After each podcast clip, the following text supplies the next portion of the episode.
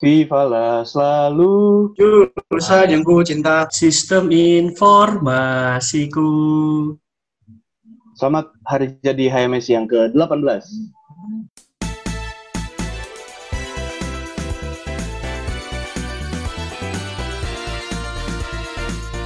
Podcast HMSI. Oke, Assalamualaikum warahmatullahi wabarakatuh. Waalaikumsalam. Waalaikumsalam Wabarakatuh. Selamat pagi, siang, malam, tergantung pemberi, pemberi arti. Sebenarnya kapan. Jadi hari ini podcast HMSI Special Edition. Asik. Ulang tahun HMSI yang ke-18. Eh, bukan, bukan. Nggak ada sound effect tepuk tangan gitu. Nanti dia edit sama editor. Oke, jadi hari ini eh, edisi khusus announcernya aku Bian Farancia. Kali ini bakal mandu teman-teman semua buat eh, nemenin teman-teman di podcast ini selama sekitar 30 menit ke depan. Dan aku nggak sen- sendirian karena hari ini ada dua guest spesial yang diundang sama HMIC. Yang pertama boleh kenalan dulu dari Mas Mas yang lebih di senior kan mungkin yang paling senior. Aldi ya dia. Tuh. Mungkin Mas Fahri boleh duluan Mas kenalan. Oke, makasih. Halo semuanya. Nama pendengarnya apa sih? Eh, Nggak ada, ada ini. Pemberi arti. Sapaan ya? Pemberi Pemberi arti. Oke. Berarti.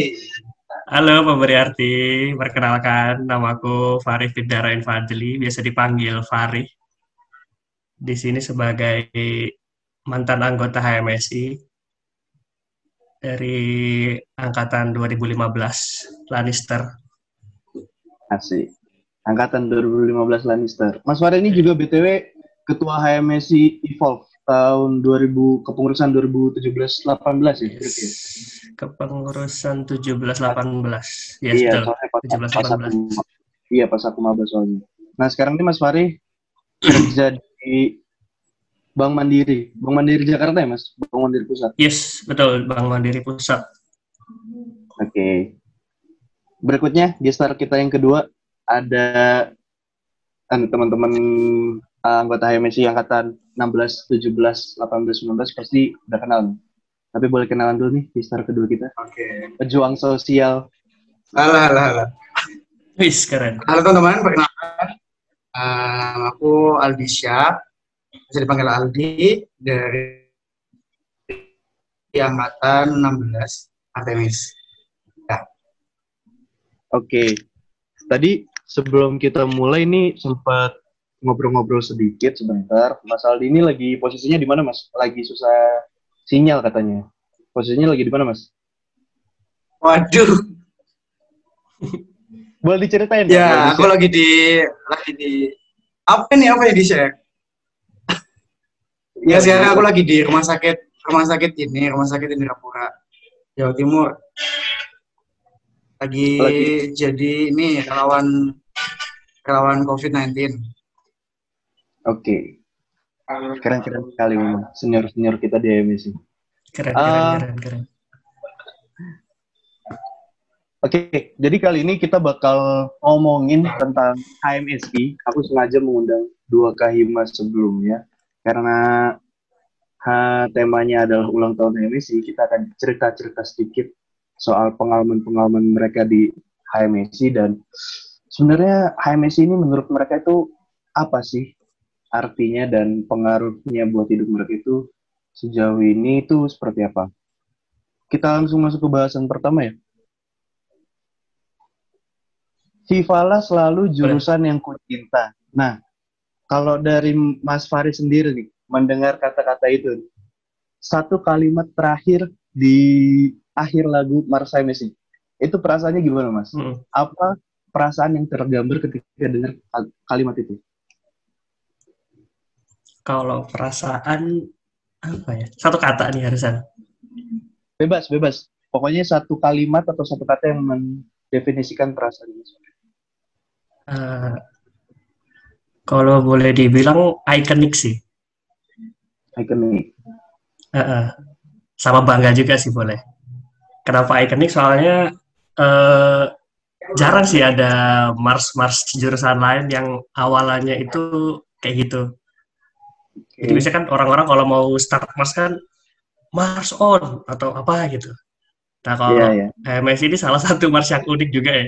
Meskipun nggak Iya. semenggelegar himpunan-himpunan lain, tapi bagus gitu didengarnya. Jadi bisa buat berbagai macam occasion gitu. Buat semangat bisa, buat di ruangan bisa, buat formal bisa kayak gitu. Iya. Bener sih. Eh, kayaknya kalau di jurusan lain itu Marsnya banyak yang meng- lebih menggubu-gubu, tapi HMS Hmm. bilang kayaknya yang merdu gitu ya. Enak Iya, bilang. HMS tuh enak didengar gitu. Jadi nggak nggak nggak asal berisik lah. Maksudnya mungkin nggak se menggebu-gebu yang lain, cuman justru bisa dipakai di mana aja gitu. Jadi dinamis. Mau dipakai di acara formal atau di lapangan pun juga tetap bisa gitu disesuaikan sama Marsnya. Itu sih. Oke, oke. Sepakat, sepakat. Kalau Mas Aldi, apa Mas? Vivala selalu jurusan yang kucinta. Menurut Mas Aldi, perasaan Mas Aldi itu apa yang tergambarkan kalau dengar kalimat? Sebenarnya sama sih. Jadi kan eh, mas kita tuh beda ya kalau misalkan dibandingin sama mas-mas dari lain. Mungkin katanya kalau bahasa aku tuh elegan lah. Dia bisa bisa masuk ke dalam beberapa berbagai macam apa namanya kesempatan dan wadah gitu ya. Terus biasanya kalau aku nyanyi itu flashback sih biasanya. Flashback waktu pertama kali maba yang kita nggak tahu kan tiba-tiba dibarisin di apa namanya waktu dulu tuh masih di ini di gedung lama Di gedung lama. Gedung barisin gitu tiba-tiba cutting masuk ke tengah-tengah gitu kan ya terus tiba-tiba gini semua gitu kan aku bisa Habis ingat 2 BK biasanya tuh. memori apa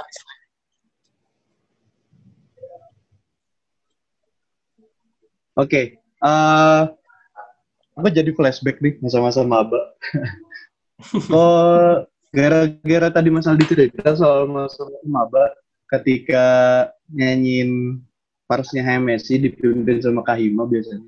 Itu kan kating-kating masuk, pakai jahit, terus ada bunyi khas biasanya. Serak, serak, serak, serak, serak.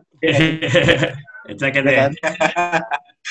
Nah, itu itu bikin first impression ku ke HMS itu. ih, ternyata cuttingnya garang-garang juga ya karena kan stigmanya yang terbangun ya eh, dulu adalah mahasiswa il- ilmu komputer atau sistem informasi itu biasanya pendiam-pendiam aja. Ternyata ketika pertama kali dikenal sama HMSI dan nyanyiin Mars itu ternyata garang juga ya eh, cutting-cutting gitu. Bisa serem juga ternyata. ya. bisa bisa serem juga, bisa gagah juga. Nah kalau Mas Aldi sendiri nih, first impression ke HMS waktu maba masih ingat nggak kayak gimana? takut awalnya ya kali masih maba masih maba digituin kan aku nggak nggak ini kan nggak nggak pernah sebelumnya soalnya tiba-tiba masuk ke tengah-tengah gitu terus ada yang teriak kan awalnya tuh kan aku nggak ngerti kan Viva lah langsung gitu Heeh. kaget sih waktu itu Mas Amar waktu itu yang Mas Amar, oke. HMSI kolaborasi ya? Amar Fauzan Kahima Iya. ya Oke. Kalau Mas Faris sendiri gimana? First impression lihat HMSI? Kalau first impression merinding sih bisa dibilang ya. Soalnya waktu aku maba tuh berarti yang pegang angkatan 2013 Beltranis. Sebenarnya first impression ku ke HMS yang benar-benar baru ketemu langsung itu waktu sebelum OK2BK tuh, waktu briefing briefing OK2BK. Itu kan ada kayak semacam acara penyambutan gitu kan habis dari Grigi. Iya. Nah, terus waktu masih briefing-briefing itu udah ada sambutan-sambutan gitu dari himpunan. Terus waktu itu kebetulan yang nyambut bukan Kahimanya, kan Mas Fahmi kan Kahimanya. Kebetulan waktu itu Mas Fahmi lagi ada di luar, terus yang gantiin tuh Wakahimanya, Mas Kusnanta. Nah, menurutku dua orang ini sih, Mas Fahmi sama Mas Kusnanta ini, apa ya, kayak bikin merinding gitu kalau ngomong tuh. Hmm. Jadi kalau lagi ngomong di depan tuh kayak kayak dengerin aja gitu kayak wow gitu. Oke oke. ngomongnya bagus, rapi gitu. Jadi lebih kesannya lebih ke merinding aja sih waktu maba. Wih, keren-keren juga sih ini kating-katingku gitu. Oke. Tapi emang kayaknya setiap maba gitu sih. Pasti tuh tiap maba Hmm. hmm, punya role modelnya itu biasanya ke angkatan ketika HMSI-nya lagi megang. Biasanya gitu nggak sih? Soalnya aku juga ngelihatnya waktu Mas Fari pertama masuk ngisi BK, ngisi materi. Wih, ada ya anak SI yang kayak gini. Bisa jago ngomong, jago. Aku nyebutnya apa ya? Jago membawa inilah masa. Karena waktu itu aku Suasana. ingat banget, OKK BK aku waktu itu AC-nya mati, aku inget banget. Tapi waktu pas Mas Fari Hmm. ngisi itu, ter- dia tetap bisa didengar walaupun sebenarnya kondisinya nggak nggak enak banget waktu itu. Nggak, pak- nggak pakai mic ya itu ya. Nggak pakai mic juga. Masih di gedung lama tuh. Oke, first impression. Biasanya orang punya first impression itu sebelum kenal, tapi pas udah kenal lama, itu pandangannya berubah. bisa jadi lebih baik, bisa jadi lebih buruk. Atau yang tadinya nggak kelihatan jadi kelihatan. Nah, Hmm.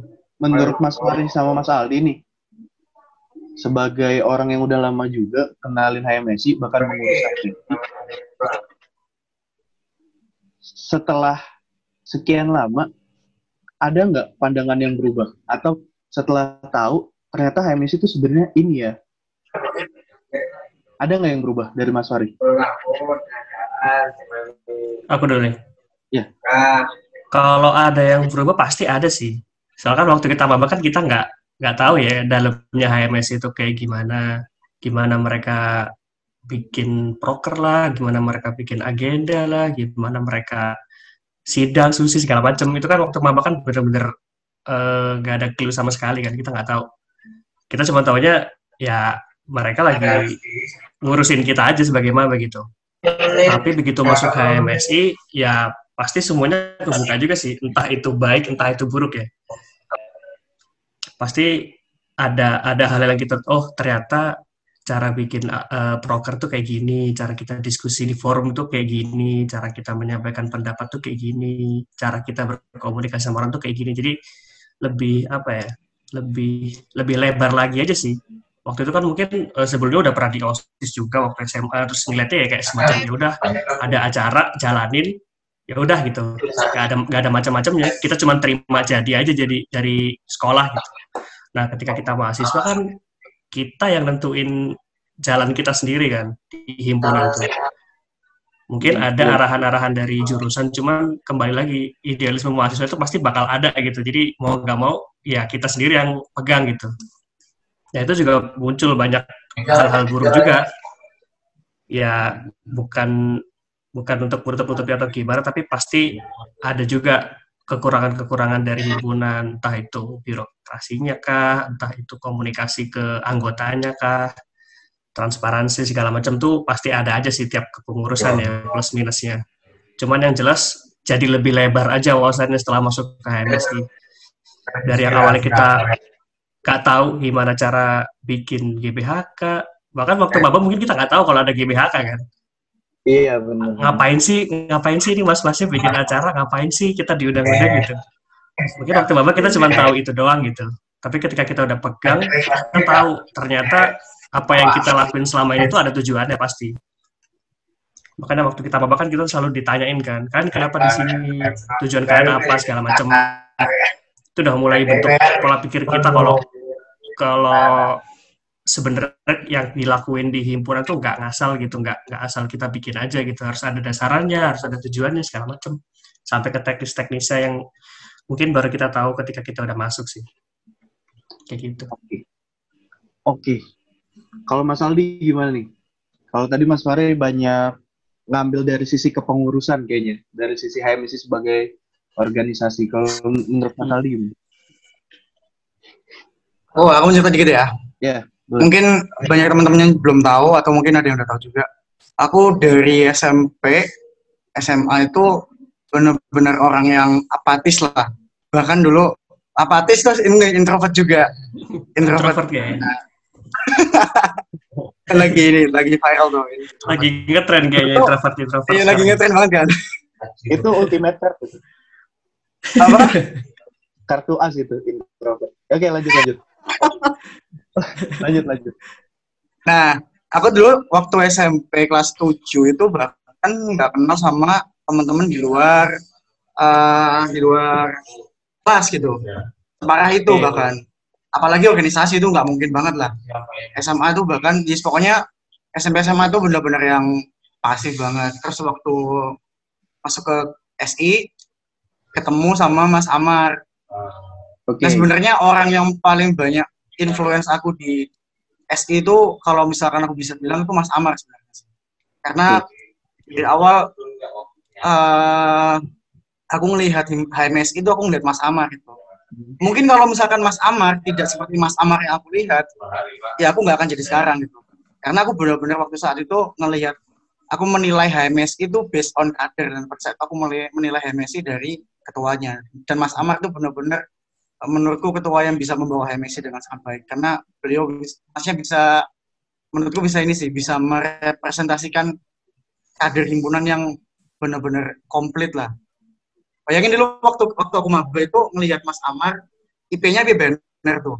IP nomor tiga, bayangkan ya. Ketua MSI, IP-nya nomor tiga, apa gak langsung kagum kan? Masih anak anak maba kan taunya ya IPK gitu kan, kita nggak tahu yang lain kan. Wah gila banget ini ketua organisasi bisa IP tinggi gitu kan. Makanya waktu itu itu. Nah, seiring berjalannya waktu, waktu maba mulai tuh mulai down, melihat misalkan IC gitu kan, yang ya kita tahu lah IC gimana gitu kan. Ya, iya, iya. aku mulai Iya, paham mulai paham mulai goyah tuh. Ya kok gini sih himpunan gitu kan. Awalnya mulai mikir gitu. Ngapain sih kayak gini-gini? Nah tapi aku selalu selalu ini selalu selalu curhat ke Mas Amar gitu. Mas kenapa sih kok kayak gini? gitu Terus Mas Amar men- menceritakan tuh oh itu gini loh di gini loh di semua masalah yang ada di himpunan yang aku waktu itu pikirkan gitu ya itu selalu bisa dijelaskan dengan baik oleh Mas Amar sebenarnya orang yang paling mengajarkan aku pola pikir organisatoris itu juga Mas Amar gitu. Nah, sehingga pada saat itu aku sampai pada satu titik di mana wah, aku ternyata banyak berutang ya. Maksudnya dari orang yang bahkan nggak pernah kenal sama banyak orang gitu, sekarang jadi orang yang nomor satu yang pertama paling kenal dengan angkatannya gitu. Dan itu karena HMSI gitu, kalau misalkan secara nggak langsung karena program kaderisasi HMSI. Dan pun aku belajar banyak organisasi juga dari HMSI. Makanya eh, mungkin yang berubah adalah dari yang aku menilai istilahnya dari yang aku memandang HMSI itu sebagai apa sih yang HMSI bisa berikan ke aku itu menjadi berubah gitu menjadi apa yang aku bisa berikan untuk HMSI itu yang berubah sih itu Mas Amar yang paling menginfluence buat aku itu Oke. Berarti Mas Aldi banyak terinfluence dari sesosok Mas Amar ya? Nah, Kahima ketika Mas Aldi maba. ya Oke. Kalau ngomongin influence nih, eh, pasti ada influence negatif, ada influence ne- positif lah ya. Ada pengaruh baik, ada pengaruh buruk eh, dari apa pun gitu terhadap diri kita. Mm-mm. Aku sekarang pengen mengenalkan HMSI sekalian juga nih mengenalkan HMSI kepada eh, adik-adik 2019 eh, yang mana kemarin di HMSI-nya terpotong karena dampak dari COVID ini. Jadi mungkin dengan cerita-cerita lewat Mas Faris sama Mas Aldi ini, ini cara yang baik sih menurutku, cara yang gampang juga. Kita ngomongin influence. Kalau dari Mas Aldi sama Mas Faris, influence positif apa sih yang dirasakan dari HMSI yang bisa akhirnya real dipakai di kehidupan sehari-hari? Aku mau ngasih contoh dulu. Kalau misalkan aku nih, dari HMSI sih aku belajar bahwa ternyata pendapat kita itu mungkin pendapat yang baik, tapi akan selalu ada eh, antitesisnya gitu. Akan selalu ada antitesis dari pendapat kita. Dan antitesisnya itu bisa jadi lebih baik juga, Ba- eh, bisa jadi lebih baik, bisa jadi ternyata itu yang lebih tepat. Dan aku belajar bahwa ternyata nggak setiap pendapat yang menurut kita baik itu eh, bisa dipaksakan sesuai kehendak kita. Karena kita juga mikirin banyak orang dan akhirnya itu mempengaruhi aku di kehidupan sehari-hari sih. Gak semua kepenginan aku aku paksain di sana. Juga mempertimbangkan dampaknya ke orang lain. Nah, kalau dari Mas Fari sendiri, sekarang apa nih? Apalagi mau ngambil perspektif dari orang yang alumni yang udah kerja. Nah, kira-kira apa nih? yang bisa Oke. diambil dari HMSI? yang eh, dampak positif yang bisa diambil dari MS yang kepake sekarang ya. Kalau boleh jujur, eh, yang dampak yang paling gede itu eh, yang pertama soal ini problem solving.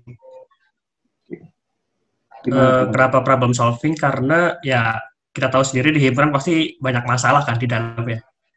Iya, banyak banget. Entah itu dalam entah itu luar pasti ada aja masalah di himpunan tuh. Mau kita hindari segimanapun itu ya risiko gitu. Mau nggak mau kita pasti harus ngadepin problem itu di himpunan.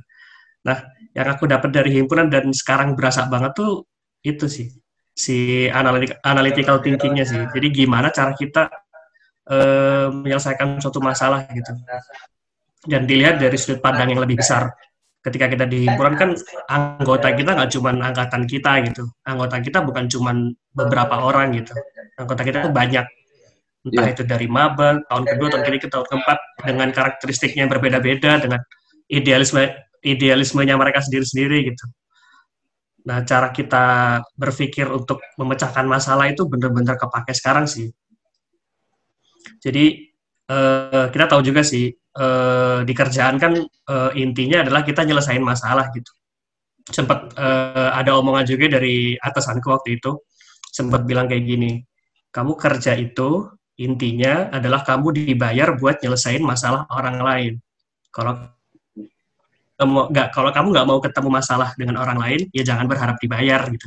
Jadi sebenarnya di kerjaan itu intinya adalah apa pun yang kamu lakuin itu bakal menyelesaikan masalah orang lain gitu sekecil apa pun. Entah itu di industri apa aja ya. Itu pasti akan ada masalah yang kalian selesaikan di pekerjaan. Jadi kalau semisal sekarang kalian lagi kuliah gitu ya dan kalian ngadepin masalah eh, justru itu jadi satu opportunity buat kalian di mana itu bisa jadi background kalian oh aku pernah nih ngalamin masalah kayak gini kira-kira ntar nyelesainnya kayak gimana gitu. Jadi pengalaman-pengalaman bermasalah ketika di kuliah itu bakal kepake banget waktu kalian kerja nanti gitu. Gimana cara kalian menyel apa mencari root cause-nya kenapa sih sebenarnya gitu. Dan sebenarnya di kampus pun juga ada kan materi-materi tentang itu. Fishbone kah YY kah eh, 5M 6M banyak lah teori-teori yang di di kelas juga yang kalian rasain sebenarnya. Dan kalian eh, terapin langsung ketika kalian berorganisasi gitu. Ketika ada masalah gimana cara kalian menyelesaikan itu dan satu lagi poin yang penting setelah problem solving adalah komunikasi. Jadi itu juga eh, satu hal yang berdampak besar juga ya buat aku ya di mana dulu mungkin nggak bisa segampang itu ngomong di depan orang. Hmm. dan mungkin waktu kuliah juga sih masa-masa di mana aku bisa santai banget gitu ngomong di depan puluhan atau bahkan ratusan orang gitu. Kalau misalnya dulu aku gak, gak join HMS sih mungkin skill itu gak akan terasa juga gitu. Karena di kerjaan juga kalian akan bertemu dengan banyak sekali orang baru gitu. Dengan macam-macam background yang mungkin lebih luas lagi daripada kampus. Dan kalian harus bisa memposisikan diri kalian di tengah-tengah lingkungan yang beragam itu gitu. Jadi kalian nggak bisa maksain keinginan kalian juga. Kalian harus bisa problem solving dan yang penting kalian harus bisa menyampaikan solusi kalian ke orang lain dengan baik gitu. Jadi hal yang baik juga harus disampaikan dengan cara yang baik gitu. Kalau kalian sudah bisa mikir gimana cara menyelesaikan masalah, tapi kalian nggak bisa nyampein itu ke orang lain, ya percuma aja gitu kalau cuma kalian pendam sendiri. Jadi ketika kalian sudah punya eh, analytical thinking atau problem solving mindset, kalian juga harus bisa mengkomunikasi mengkomunikasikan itu ke orang lain juga, biar orang lain paham dengan maksudmu gitu. Oh ternyata kayak gini gini gini, oh ternyata kayak gini gini gini itu sih. Mungkin yang eh, aku rasain sekarang kepake banget di dunia kerja gitu. Ketika ada banyak masalah, kita nggak nggak kaget lagi gitu. Jadi kita nanggepinnya juga santai, tenang. Kita diskusi sama banyak orang, kita juga bisa nerima banyak pendapat dari orang lain. Terus apakah solusi ini cocok untuk semua orang gitu? Dan nggak mungkin juga kita bisa nemu solusi yang apa ya, yang bisa menyelesaikan semua masalah itu nggak nggak ada gitu. Pasti ada pihak-pihak lain yang mungkin ngerasa kayak ah kok gini sih, ah kok gitu sih gitu. Tapi kan Yeah. intinya adalah gimana cara kita bisa memberikan solusi atau manfaat itu ke seluas-luasnya orang gitu, sebanyak-banyaknya orang gitu. Meskipun nggak mungkin semuanya juga. Oke, Kayak tadi gitu ada, oke, dari Mas Mari sih aku nangkep beberapa poin ya, tapi garis besarnya ada dua soal problem solving sama komunikasi. Eh, kalau Mas Aldi gimana nih? Mungkin ada perspektif lain atau apa yang mau disampaikan soal eh, dampak positif apa sih yang udah Mas Aldi terima dan sekarang sampai sekarang akhirnya kepake? Hmm, aku pertama menguat, menguatkan ini ya pendapatnya Mas Fari. Jadi aku mungkin cerita dikit. Eh, seleksi waktu aku diseleksi beasiswa Astra. Jadi mungkin buat teman-teman yang belum tahu, beasiswa Astra itu salah satu beasiswa yang cukup kompetitif, di mana sekitar 5.500 orang itu mendaftar dan kita diambil 45 orang di Indonesia. Nah, Keren. salah satu tesnya itu adalah eh apa sih namanya tuh eh, apa namanya forum group forum group discussion FGD. Fokus fokus group Oke. discussion. Nah, di situ aku benar-benar ngerasain banget manfaat manfaat secara ini ya manfaat indirect dari selama ini aku berorganisasi di HMSI. Jadi di waktu di FGD itu kita ber berapa bersepuluh kalau nggak salah itu diberikan suatu masalah gitu ya. Kita diberikan suatu masalah, lalu kita diberikan sebuah data juga.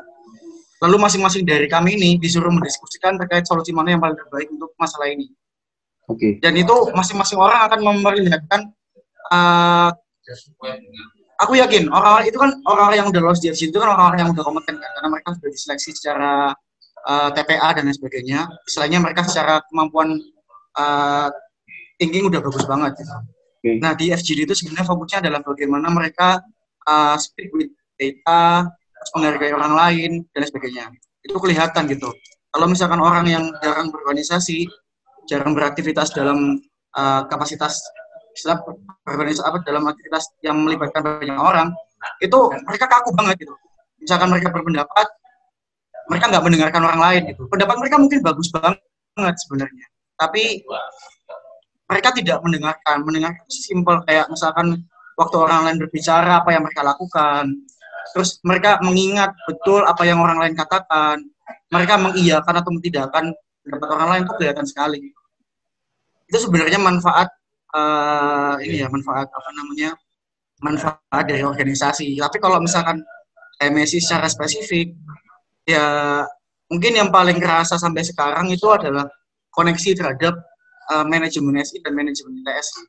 Dan satu lagi aku mau nambahin adalah lobbying. Jadi sebenarnya betul, aku sepakat bahwasannya MSI itu mengajarkan problem solving dan untuk menyelesaikan masalah itu ternyata prosesnya sangat panjang gitu. Aku ingat banget kata-katanya Mas Amar. Mohon maaf ya, aku saya mengutip kata-kata Mas Amar ya. Iya. Mas. Amar tuh pernah bilang gini ke aku. Mas Amar tuh pernah bilang gini ke aku waktu itu. Eh, eh, aku pernah itu istilahnya memperdebatkan lah masalah broker di MSI waktu aku magang gitu kan. Mas kenapa kok ada broker ini sih? Broker ini kan nggak bisa kayak gini-gini. Terus Mas Amar tuh bilang gitu. Ini loh di ibarat kamu tuh eh, menemukan sebuah linggis gitu ya. Menemukan sebuah linggis yang lagi bengkok. Nah, untuk meluruskan sebuah linggis yang bengkok itu itu perlu proses yang panjang gitu. Nggak bisa kita otomatis langsung tiba-tiba linggis itu bisa jadi lurus lagi gitu. Ada proses perlahan-lahan yang kita lakukan sehingga linggis itu jadi bisa lurus lagi. Dan itu itu benar-benar kerasa gitu.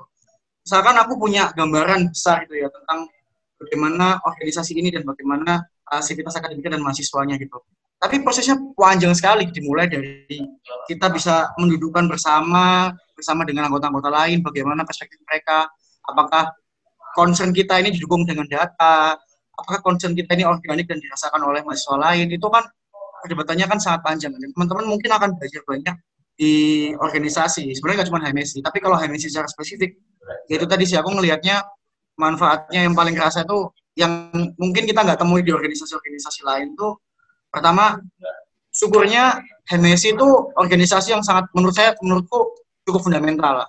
Di kalangan dibandingkan dengan misalkan organisasi KMITS kita cukup fundamental pun dibandingkan dengan organisasi-organisasi eksternal kita juga cukup fundamental. Sehingga teman-teman akan bisa belajar banyak banget tentang berpikir secara apa ya terstruktur.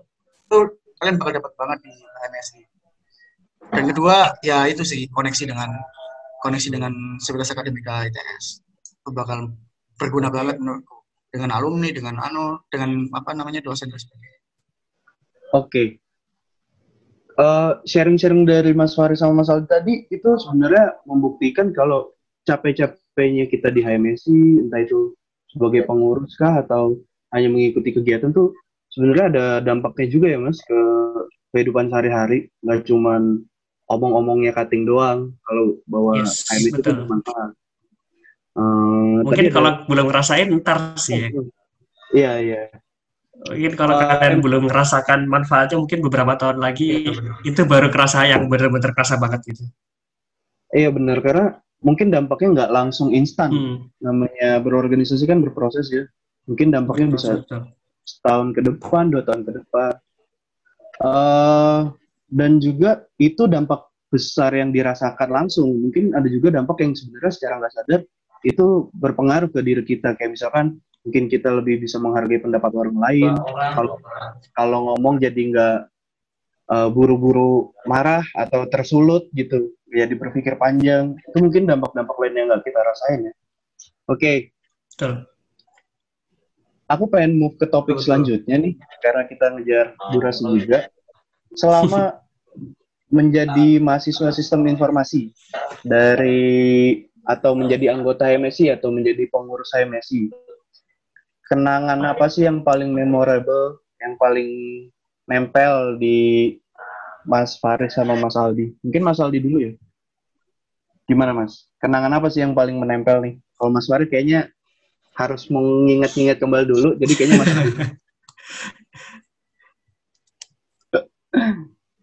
Kenangan paling memorable itu ini satu atau gimana tuh?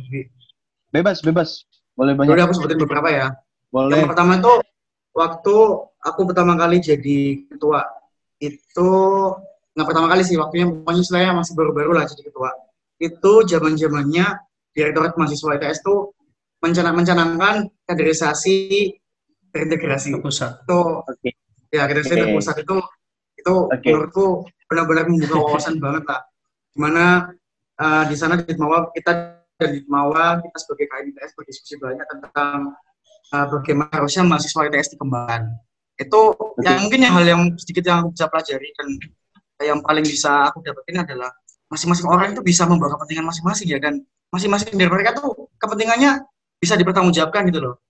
Dan itu keren banget lah pokoknya aku bisa merasakan misalkan dari perspektif teman-teman dari kelautan itu seperti apa, teman-teman dari industri itu seperti apa dan masing-masing dari mereka itu ternyata ya ini bisa menjadi pelajaran juga bagaimana nanti kita bermasyarakat sih sebenarnya misalkan orang-orang orang-orang Jawa gitu ya dengan karakteristiknya dan kebudayaannya orang-orang Hmm. Sumatera dengan karakteristik dan budayaannya itu kalau misalkan kita duduk bareng untuk menyelesaikan masalah itu pasti juga akan seperti itu modelnya di mana masing-masing punya kepentingan masing-masing masing-masing punya karakter masing-masing dan itu mengharuskan kita sebagai KM bisa satu suara gitu untuk ya itulah untuk against dengan uh, Ditmawa gitu kan itu itu salah satunya sih. Yang kedua adalah menurutku eh, kalau kita berorganisasi dan kita nggak gagal, sorry bukan gagal ya, kita nggak melakukan sebuah kesalahan itu nggak akan belajar sih.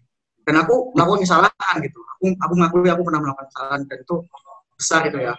Misalkan dalam proses kaderisasi gitu, itu ada saat-saat di mana pada saat itu aku sebagai ketua sampai harus mempertanggungjawabkan dengan eh, manajemen gitu. Ancaman DO itu ternyata nyata gitu loh. Waktu dulu dulu aku kampanye gitu kan siap DO ya gitu kan. Itu kan sering Iya. ditanyakan gitu kan waktu Iya, iya. Apalagi ketua ternyata gitu ya. nyata gitu.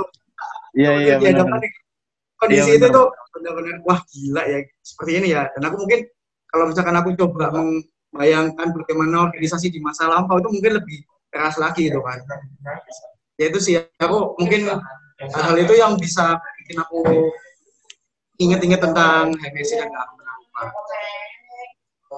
Oke. Dua aja nih. Tadi katanya ada lagi nih. Ada lagi nggak? Ya cukup cukup Oh, udah cukup ya. Oke, mungkin Mas cukup itu dulu aja. kenangan apa sih Mas yang nempel banget sampai sekarang nih? Masih keinget? Aku ya. Iya. Kenangan yang paling keinget ada sih sebenarnya satu momen yang paling apa ya? Mungkin waktu itu ngerasainnya sakit gitu. Tapi sekarang ngerasainnya ya kayak jadi ketawa-ketawa sendiri aja gitu. Pernah di Aduh, ini gimana? di di apa sih namanya? Kalau bahasa Jawa dipisui gitu ya.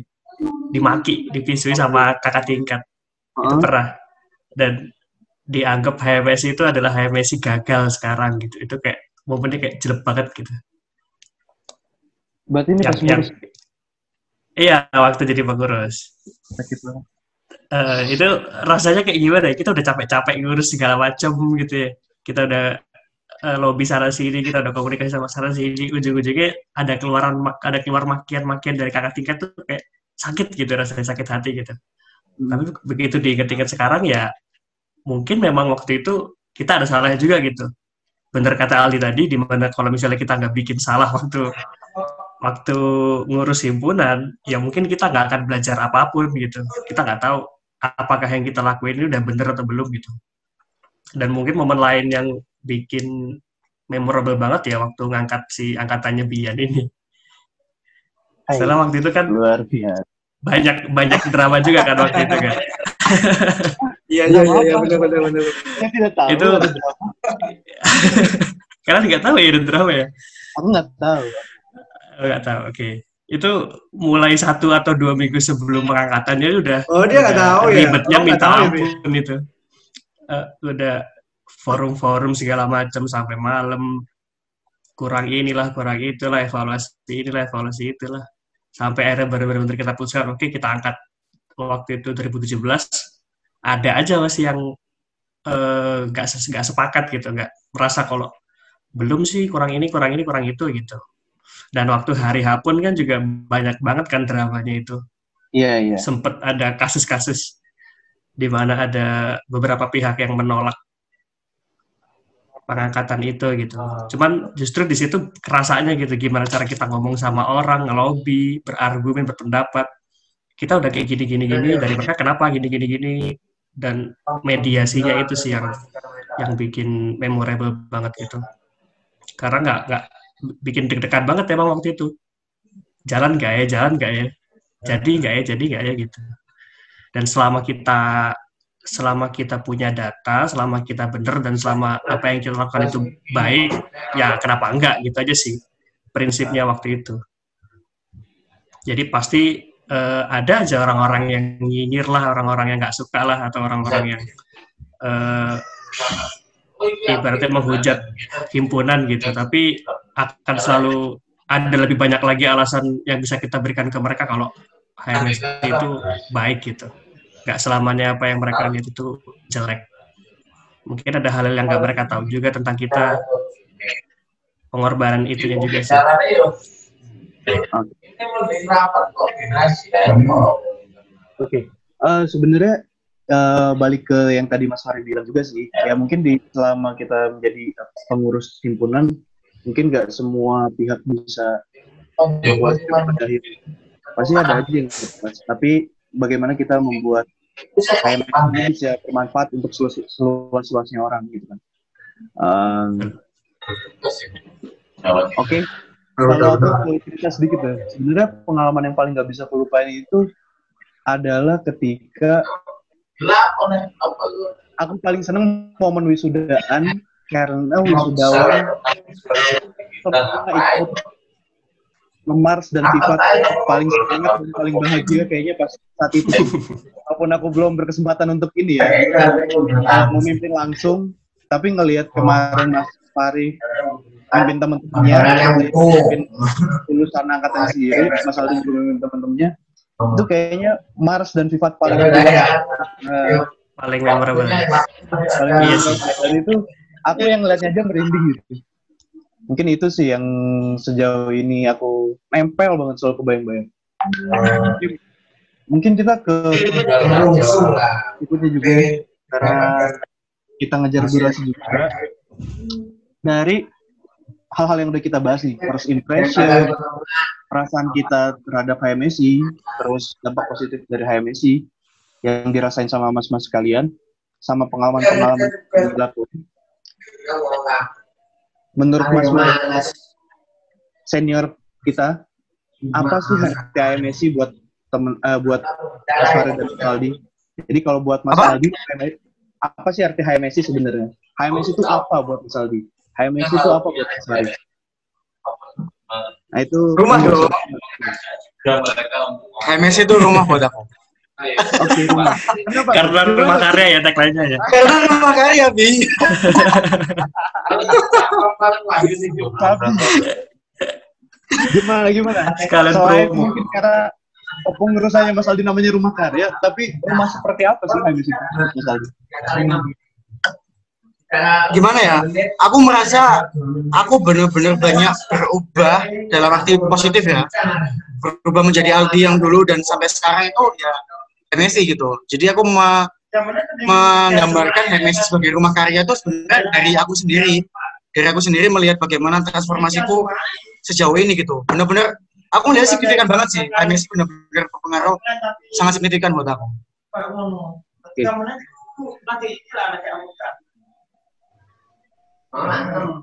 Ya gitu. Jadi, HMS itu menurut Mas Aldi adalah sebuah rumah, tempat untuk pulang, tempat di mana kita kalau capek itu ke rumah.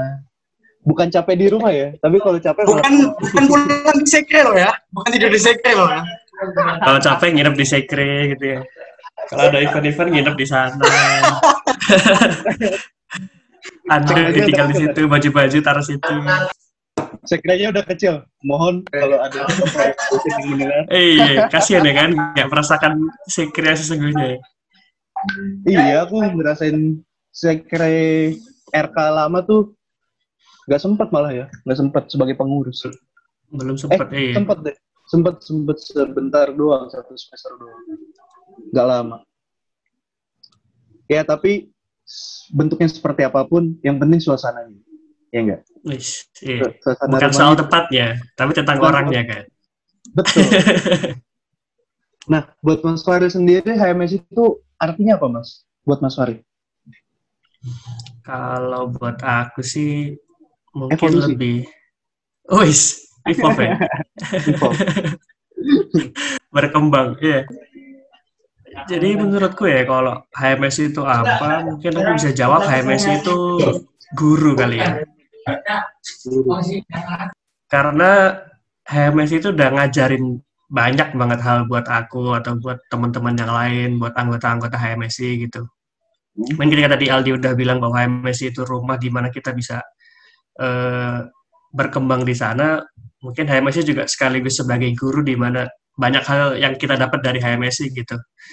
Dari yang awalnya kita nggak tahu, jadi tahu. Dari yang awalnya kita belajar dari nol sampai jadi kita yang sekarang eh, itu juga pasti akan ada campur tangan himpunan di situ gitu. Jadi kalau misal ditanya HMS itu apa, mungkin aku akan lebih jawab HMS itu guru di mana HMS udah ngajarin aku banyak hal tentang organisasi, tentang hidup, tentang perkuliahan segala macam banyak lah pokoknya. Dan mungkin ada banyak hal-hal juga yang di luar himpunan yang baru kita tahu juga kan di HMSI gitu pengalaman-pengalaman yang udah kita dapat di HMS itu eh, akan bisa jadi modal kita juga buat ke depan gitu. Jadi karena ada pepatah juga bilang experience is the best teacher ya mungkin HMSI adalah salah satu bagian dari experience dan itu adalah the best teacher yang eh, bisa kalian dapat di jurusan. Jadi HMSI adalah guru kalau menurut Mas Fahri. Aku rada Yes. sepakat sih, karena yang namanya guru kadang ngeselin, Hmm, iya. memotivasi. Kadang-kadang bikin sebel, kadang-kadang nyenengin gitu. Bener-bener. Tapi dia udah ngasih kita banyak gitu. Bener, gimana pun Kita juga, udah eh, belajar dari situ. bener, gimana pun juga guru kita yang udah ngajarin kita, dan aku cocok sih. Masuk juga analogi HMSI adalah guru. Eh, Oke, kalau buat aku sendiri sih, HMSI itu apa ya? Mungkin kalau buat aku sendiri, HMSI adalah soal kita menjadi berarti sih. Asik. Pa- promosi. Bawa-bawa tagline ke Tagline sendiri dong. Iya dong, nggak mau kalah. dong. Enggak, tapi serius. Eh, karena HMS itu kadang-kadang kita merasa kita nggak dapat apa-apa, tapi kita ngasih sesuatu untuk orang lain. Kadang-kadang ada ngerasa begini. Atau kebalikannya, kita nggak ngapa-ngapain sebenarnya, tapi ada aja yang HMS bantu ke kita. Misalkan beberapa orang menganggap HMS itu eh, tidak terlalu penting, ada yang menganggap HMS itu terlalu penting, bahkan seolah-olah HMS itu segalanya. Hmm. Nah, eh, kadang-kadang orang-orang yang nggak menganggap HMSI nggak terlalu penting ini juga kadang-kadang butuh himpunan kok. Kadang-kadang nanya eh, teman-teman HMSI ada yang tahu nggak info soal misalkan eh, akademik terbaru seperti apa. Nah artinya kan di situ HMSI punya arti untuk setiap orangnya. Entah orang itu memberikan menganggap HMSI itu penting atau enggak. Kalau buat aku HMSI itu adalah suami Oke. Sebelum kita masuk ke bahasan terakhir, sesi terakhir, tadi eh, dari HMSI udah story di Instagram eh, buka question box buat mas-mas kita. Eh, ngasih pertanyaan untuk Mas Aldi dan Mas Lari. Udah ada beberapa pertanyaan yang masuk. Ada Q&A Mungkin aku juga ya? Kenapa? Ada Q&A juga. Ada, ada. Gak, gak, gak, gak banyak. Kita mungkin akan jawab dua atau tiga aja. Jangan pertanyaan pertama. ini ya, IP address ya. Oh, itu Pertanyaan-pertanyaan kampanye itu ya. Waktu aku IP address nggak ditanyain loh. Oh iya, Iya, bisa Pak Sony tuh yang nanyain tuh. IP address nggak ditanyain. Sebutkan IP address. Oke, pertanyaan pertama dari Radian Galih ini sepertinya alumni. Oh, Mbak Gels. Osiris. Heeh. Kok Mas Amarnya enggak? Iya, Mas Amarnya eh, untuk yang kali ini kita belum berkesempatan untuk mengundang Mas Amar. Mungkin di next podcast podcast atau kesempatan berikutnya nanti kita akan mengundang Mas Amar. Oke, yang selanjutnya dari Rizky Adrian. Waduh, Mas pengalaman jadi kahima kepake nggak di dunia pasca kuliah? Ini buat Reza mungkin nanti tanya langsung ke Mas Mari. Satu kantor. Tapi eh Reza nanya spesifik pengalaman jadi kahima. Pengalaman jadi kahima itu kepake nggak sih di dunia pasca kuliah? Tadi sebenarnya udah disinggung sedikit ya sama Mas Farid. Cuma Mas Aldi mungkin mau ngasih pendapat ya, pengalaman spesifik ketika jadi kahima yang kepake. Nggak bisa, aku kan belum, aku kan belum lulus. Gak apa-apa. Kan belum lulus. Gak apa-apa. Kan ada, gitu-gitu. kegiatan di luar kuliah. Coba mungkin di situ bisa kepake kan. Nah itu dari Mas Aldi. Kayak misalkan sekarang nih kan lagi ada lagi ada kontribusi sosial. Nah itu gimana? Kepake nggak pengalaman aku sedikit? Ah, oke. Kalau aku ya, aku sebenarnya belum lulus sih kan. Jadi itu kahima itu kepake dalam dua aspek kan, aspek secara langsung dan nggak langsung. Langsung tuh ya itu jadi salah satu jadi CV-mu kan. Pastilah itu ngebantu banget kamu buat uh, melakukan banyak hal lah. Misalkan kamu mau daftar beasiswa, kamu mau daftar kerja, itu secara CV selama kamu bisa mempertanggungjawabkan itu waktu waktu menjelaskan gitu itu insya Allah bisa kepake banget secara CV. Kalau secara nggak langsung sebenarnya udah kejawab sih tadi kan ya. Kepake banget, kepake banget sebenarnya. Karena sebenarnya banyak hal yang nggak bisa diceritakan sekarang karena kalau misalkan diceritakan pasti panjang banget kan ya.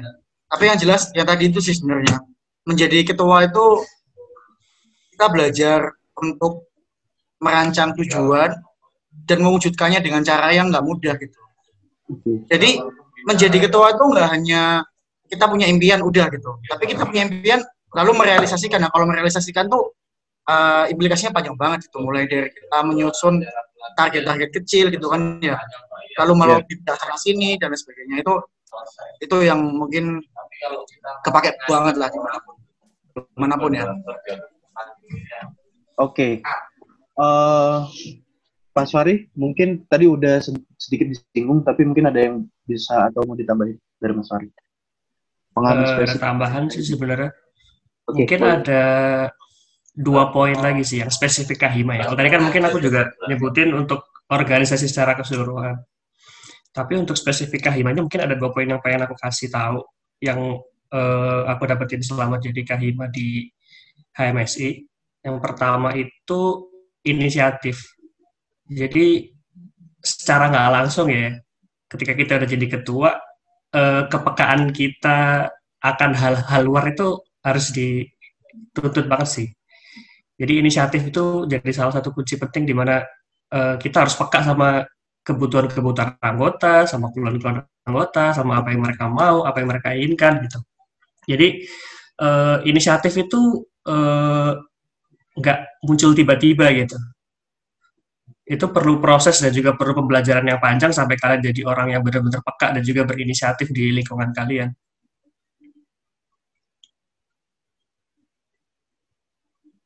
Kok biarnya hilang? Iya, B-nya putus. Oke, pemberi arti, mohon maaf tadi ada kesalahan teknis karena di masa-masa kuarantin kayak sekarang banyak yang pakai internet. Internet Enak mod, banget. internet announcernya bermasalah tadi. Oke, jadi mungkin tadi kita lanjutin aja ya pertanyaan tentang pengalaman jadi kahima yang kepake di pasca kerja. Menurut Mas Farid tuh kira-kira apa sih Mas? Spesifik jadi kahima. Oke, jadi pengalaman spesifik ya soal spesifik soal kahima yang kepake di kerjaan mungkin eh, yang pertama itu soal inisiatif ya. Jadi menurutku eh, sebagai seorang kahima kan ya mau nggak mau kita harus bisa dengerin apa maunya anggota kan ya, apa yang mereka butuhkan, apa yang mau kita kasih, apa yang lagi mereka mau gitu. Dan itu benar-benar kepake banget di luar nggak nggak sekedar di dunia kerja sih di luar pun juga kalian pasti akan merasakan manfaat inisiatif itu gitu. Jadi ketika kalian ada masalah, eh, kalian tahu nih apa yang harus kalian lakuin gitu. Mungkin hal-hal kecil juga, contohnya gini. Aku baru tahu juga nih waktu di kantor ya. Kan biasanya di kantor tuh ada grup grup chat yang bareng sama atasan-atasan gitu kan. Oke, Nah, terus kebanyakan nih teman-teman angkatanku, maksudnya angkatan kerjaku ya, yang masih muda-muda itu pada suka sungkan-sungkan gitu nggak enak kalau mau ngechat di grup itu karena ada atasan-atasan. Terus sempat aku ngechat sekali, nanya gitu kan nanya doang biasa aja gitu. Nanya bla bla bla bla terus temanku nanya, "Eh, kamu kok berani banget sih ngechat di grup itu?" Hah? Kenapa harus takut gitu ngechat di grup itu?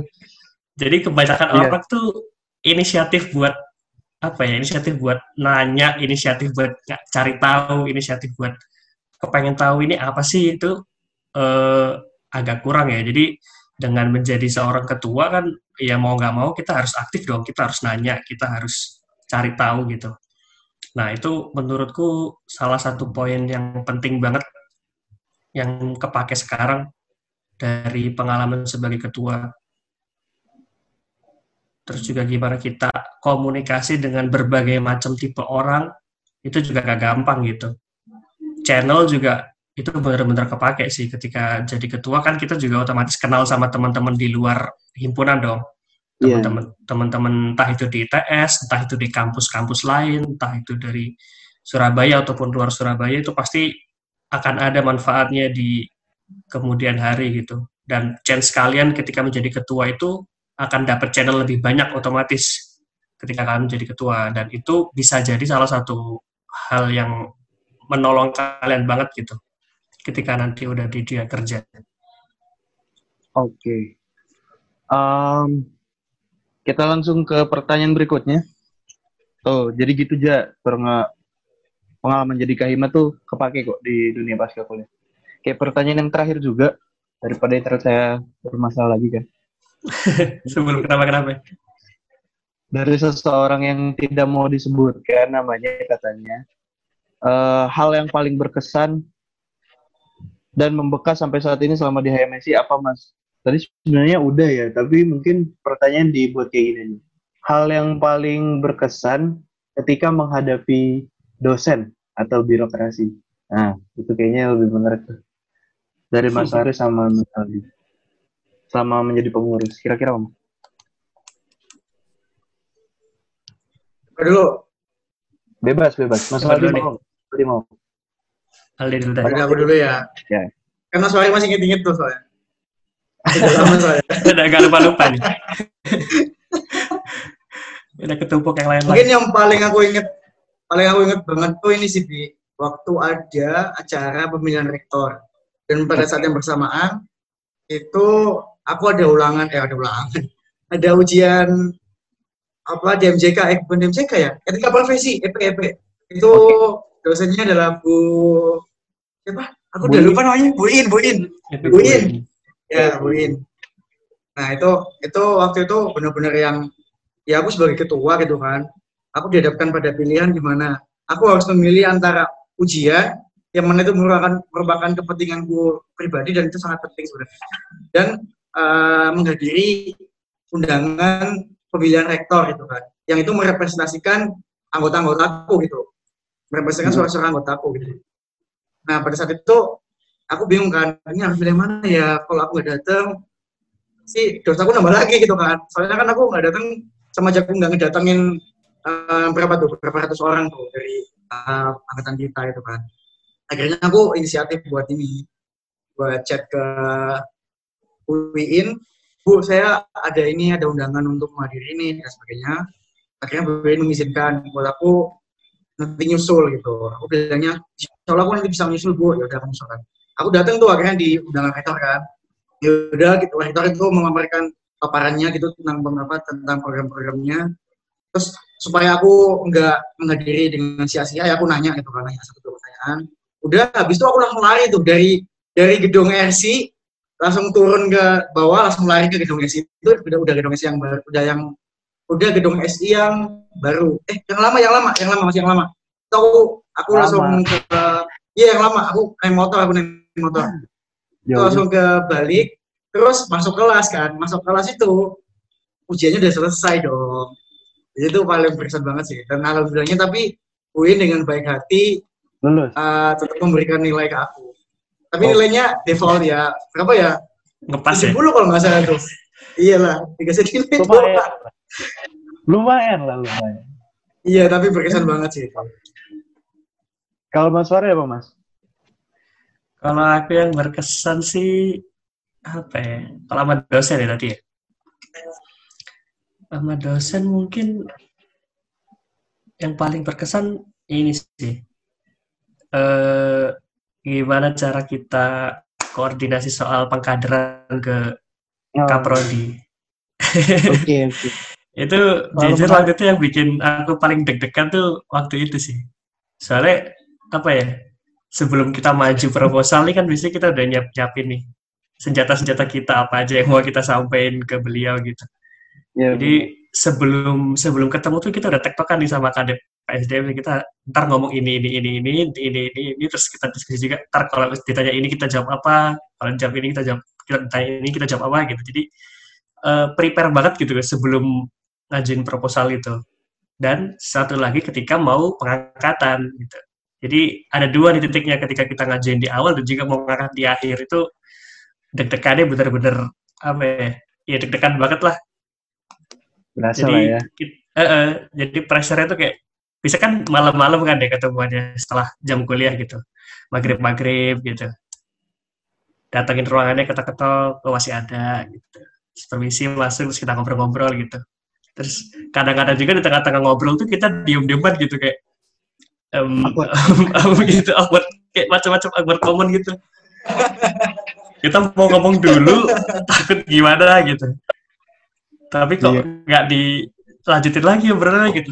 Akhirnya kita cari-cari topik lagi. Gini gini pak. Gini gini gini gini. Oh ya gitu. Duh, kok nggak dilanjutin lagi ya? Terus kita mancing lagi pakai pertanyaan lain. Kalau gini gimana pak? Ya gini gini gini. Baru gitu jadi rada rada apa ya? Awkward juga tapi ya deg-degan ketika ngomongin masalah-masalah pengkaderan sih biasanya yang rada sensitif itu kan Oke. itu sih yang bisa memorable banget deg-degannya waktu mau ngomong itu Kayaknya pengalamannya rada mirip sama saya. Ini Mas Aldi juga. Tapi emang kalau ngomongin Saldi ketawanya puas banget.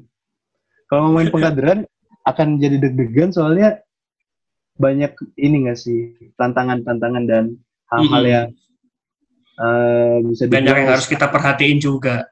Benar. karena kan berhubungan juga sama orang secara langsung dan Mm, eh, banyak pihak juga yang yes. concern terhadap pengkaderan.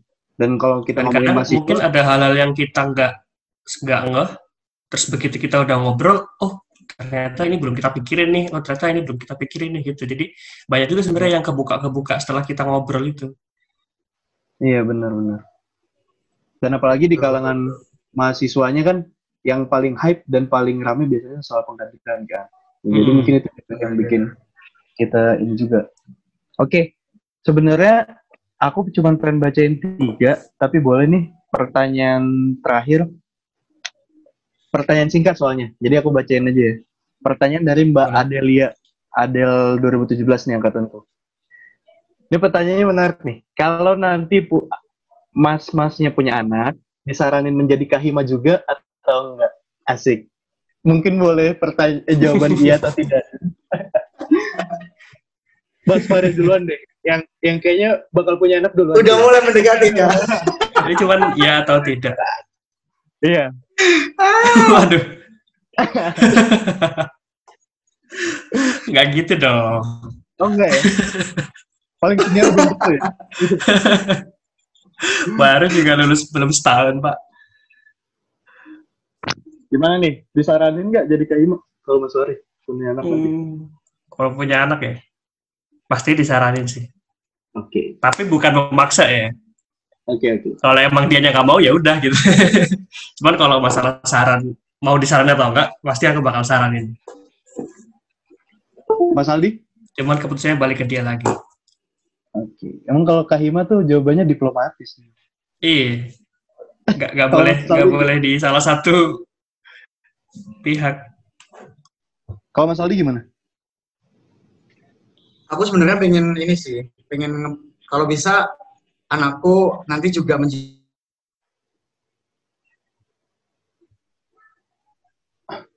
Halo? Ini internetku lagi kah? Enggak, enggak. Oh, bukan. Di tempatku patah juga soalnya. Halo? Halo? Halo, Mas? Halo? Iya. Halo, di... Masuk Pak? Nah, Masuk, udah masuk. masuk sekarang. Masuk ya. Ya. Intinya ini sih, aku pengen anakku nanti kelak jadi pemimpin juga di berbagai masyarakat, apa lingkungan masyarakatnya. Tapi aku nggak mau menjadi orang yang akan mengarahkan. Aku nggak mau. Makanya nanti aku cuman nggak tahu gimana caranya. Tapi yang jelas biarkan keresahan itu muncul dari dia sendiri. Aku nggak mau memberikan arahan apa-apa. Oke. Keren emang. Dua kahima kita ini memang luar biasa. Jawabannya. Tapi aku sepakat sih. eh jadi kahima atau enggak, itu sebenarnya atau jadi pengurus atau enggak, atau mau jadi apa, itu kan sebenarnya balik ke pilihan masing-masing ya. Eh, yang penting kita tanggung jawab dan berani nyelesain apa yang udah kita mulai aja. Oke, kayaknya itu Q&A-nya udah cukup. Sebenarnya ada pertanyaan lagi, tapi ini pertanyaannya nyambung sama pembahasan kita terakhir. Di umurnya HMSI ke-18, kalau manusia ini udah punya KTP nih, udah bisa bawa mobil, udah bisa Udah bisa nyetir lah ya. bisa nyetir, udah bisa bandel-bandel, Udah mulai nakal-nakalnya tuh. Udah mulai nakal-nakal, lagi nggak mau dikasih tahu, nggak mau dikasih tahu. Nah, tapi menurut Mas Aldi dan Mas Fahri, apa sih harapan untuk HMSI ke depannya eh, melihat berkaca sama HMSI ketika zamannya Mas Farid dan Mas Aldi dan HMSI sekarang. Apalagi kita kan menghadapi tantangan yang cukup nggak diduga-duga ya untuk tahun ini.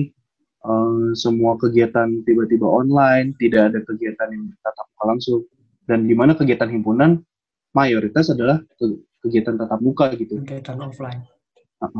Nah, dari Mas Fari sama Mas Aldi, mungkin ada nggak pesan-pesan atau harapan HMSI ke depannya seperti apa?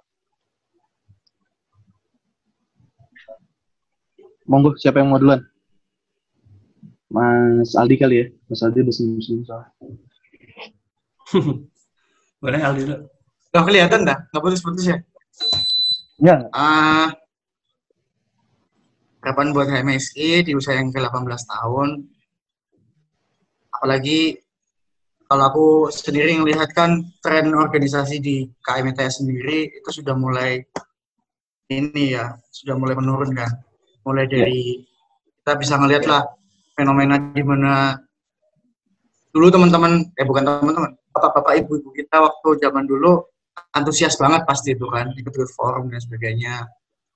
Sekarang zaman-zaman kita orang mau forum aja uh, ngundangnya selama itu gitu kan, nggak banyak yang mau hadir gitu. Nah, aku berharap semoga di usia yang ke-18 tahun ini MSC sudah mulai masuk ke fase-fase kritis gitu kan. Ibaratnya kayak anak muda itu udah mulai mau masuk ke fase-fase menjelang dewasa gitu kan. Di mana dia bisa mulai menemukan jati dirinya. Nah, harapanku kita HMSI ini bisa adaptasi, bisa makin beradaptasi dengan uh, apa namanya perkembangan zaman yang begitu cepat dan harapannya uh, orang-orang yang cerdas, orang-orang yang brilian dari mahasiswa kita, mahasiswa S itu bisa mencintai himpunannya. Karena buat aku mencintai himpunan itu akan sangat berpengaruh terhadap kualitas dari jurusan itu sendiri. Karena memang sejatinya apa yang hendak dicapai oleh himpunan kita itu selaras dengan apa yang hendak dicapai oleh departemen kita. Sehingga kalau misalkan kita bisa kontribut ke himpunan, sebenarnya kita juga bisa kontribut ke jurusan kita secara langsung. Oke, okay. super sekali Mas Aldi. Kalau Mas Wari, mungkin ada harapan atau pesan-pesan untuk HMSI ke depan di usianya yang ke-18 tahun. Oke, pesan-pesan buat HMSI di ulang tahun yang ke-18 mungkin ya yang pasti semoga HMSI bakal tetap ada terus ya sampai kapan pun itu. Terus hmm. yang kedua mungkin karena ada kasus yang akhir-akhir ini ramai juga gara-gara COVID ini, jadi eh, semoga HMS bisa jadi lebih dinamis lagi ya. Nggak terlalu kaku untuk menghadapi perubahan-perubahan yang ada di kampus atau yang ada di luar kampus juga. Soalnya mungkin kalau misalnya kita lihat eh, organisasi-organisasi uh, yang dulu ya, uh, itu kayak kesannya tuh kaku banget gitu. Nah harapanku sih semoga ke depan HMSI bisa lebih dinamis lagi, bisa lebih fleksibel lagi untuk menghadapi berbagai macam jenis zaman dan juga tantangan yang akan datang gitu ya. Mungkin gara-gara COVID ini kalian juga bisa jadi belajar lebih banyak lagi kan, gimana menyesuaikan diri, beradaptasi, menyesuaikan himpunan ini dengan kondisi yang ada gitu. Dan itu penting banget untuk sebuah organisasi buat tetap berkembang dan tetap dinamis gitu, nggak kaku di situ-situ aja. Dan e, kalau misalnya dibutuhkan perubahan, ya kenapa enggak gitu nggak harus selamanya eh, apa yang sudah dibikin dulu harus tetap dipertahankan gitu. Ketika memang dibutuhkan perubahan ya kenapa nggak berubah juga gitu. Karena eh, semakin ke sini kita semakin nggak bisa prediksi lagi kayak kayak gimana kondisinya. Covid juga tiba-tiba kayak gini kan kita juga nggak pernah bayangin kan hidup di zaman-zaman kayak gini gitu dan kita nggak tahu 10, 20 atau mungkin 100 tahun ke depan akan ada apa lagi di si, di dunia kita ini gitu. Jadi harapanku sih HMSI bisa tetap adaptif, dinamis, fleksibel, ngikutin perkembangan zaman. Jangan ragu untuk bikin sesuatu hal yang baru gitu. Jangan jangan cuman berpatokan dari yang sudah ada aja gitu. Kalian lihat juga sekarang lagi apa ini yang bisa kalian kembangin lagi ke depan gitu, menyesuaikan sama perkembangan zaman kayak gitu. Terus juga yang terakhir mungkin semoga HMSI bisa memberikan manfaat buat lebih banyak orang lagi. Mungkin nggak cuma buat anggotanya aja, buat KMTS, entah itu buat Surabaya, buat Jawa Timur, buat Indonesia, atau mungkin bahkan buat internasional juga, amin gitu ya. Amin, amin. Jadi semoga dengan semakin bertambahnya usia di HMSI ini, semakin banyak orang yang bisa merasakan manfaat dari HMSI itu sendiri, bukan cuma mahasiswa kita-kita aja gitu. Itu sih. Oke. Okay. Um, harapan yang disampaikan sama Mas Aldi Mas Fahri kayaknya mewakili banyak dari kita juga. Um, kita pengen semuanya lah aku yakin. Uh, ke depannya punya harapan bahwa HMSI nanti ke depannya akan semakin bermanfaat, semakin menemukan jat, semakin punya karakter, semakin punya jati diri yang nanti ke depannya akan terus membanggakan mahasiswa-mahasiswa HMSI dan berkaca juga sama perusahaan-perusahaan yang bisa eksis selama itu kan yang bisa adaptasi dan memposisikan diri sesuai perubahan zaman kan ya. Kalau kita belajar contoh dari kasus-kasus kuliah tuh ngomongin biasanya Nokia yang sulit. Nokia itu. Nanti, nah, ya kan? Itu tadi banget ya. Tapi itu maknanya sebenarnya dalam. Nah, hmm. yang namanya sebuah organisasi atau kelompok ya, kalau tetap mau eksis harus bisa nemuin bentuknya sesuai dengan zaman tersebut seperti apa. Oke, mungkin itu aja hari ini Mas Aldi, Mas Farid, terima kasih banyak udah mau meluangkan waktu di tengah-tengah kesibukannya buat sharing sama teman-teman HMSI. Spesial ulang tahun HMSI ke-18. Uh, harapanku juga buat Mas Aldi, Mas Farid, dan para pendengar, pemberi arti, di kondisi sekarang tetap semangat menjalankan kegiatannya, tetap sehat-sehat, tetap Yes. ngikutin anjuran pemerintah untuk uh, menjaga protokol kesehatan uh, COVID-19 kali ini. Walaupun sudah agak longgar, sama pemerintah boleh uh, keluar-keluar dikit, tapi kalau misalkan memang nggak perlu terlalu lama, tetap di rumah aja, tetap jaga jarak demi keselamatan kita, kita bersama. Sepakat, Dan kita berdoa dan kita berdoa semoga kondisi ini cepat selesai sehingga semua yang terdampak bisa kembali pulih dan bisa kembali normal dan bisa kembali beraktivitas seperti semestinya. Eh, mungkin itu aja dari kita bertiga. Eh, aku announcer di sini dan Mas Farid dan Mas Aldi sebagai bintang tamu untuk kali ini. Di kesempatan berikutnya mungkin kita akan mengundang gestar-gestar yang lain, kita ada yang tahu. Eh, tapi terima kasih sudah mendengarkan episode kali ini. Selamat ulang tahun HMSI yang ke-18. Oke, mungkin sebelum ditutup, Mas Farid, Mas Aldi mau nyebutin sosmednya dulu biar teman-teman kalau mau keep um, mungkin boleh disebutin sosmednya biar kalau ada teman-teman yang mau kontak mas-masnya bisa lewat situ. Mas Aldi, Mas Aldi ada Instagram nggak? Instagram ini aja linkin aja Aldisha 33 Aldisha 33. Itu apa? Instagram. linkin Oke, LinkedIn. Barangkali ada yang mau ngasih kerja. Mas Farid mungkin sosmednya apa Mas? Kalau mau hubungi Mas Farid? Aku sosmednya Farih Fadli. F A R I H F A D L I. Gabung. Itu Oke, semua Farih. sosmed, LinkedIn segala macam sama Farih Fadli semua. Twitter, IG, LinkedIn sama semua. Oke. Farih Oke. Fadli. Sekalian juga announcernya Ed Dian Paransyah sama semuanya. Oke, terima kasih pemerhati yang sudah mendengarkan sampai akhir. Eh, mungkin di kesempatan berikutnya kita bisa sharing-sharing lebih banyak lagi sama Mas Fahri, Mas Aldi atau eh, nanti narasumber kita yang lainnya. Hmm, terima kasih, selamat ulang tahun HMSI yang ke-18.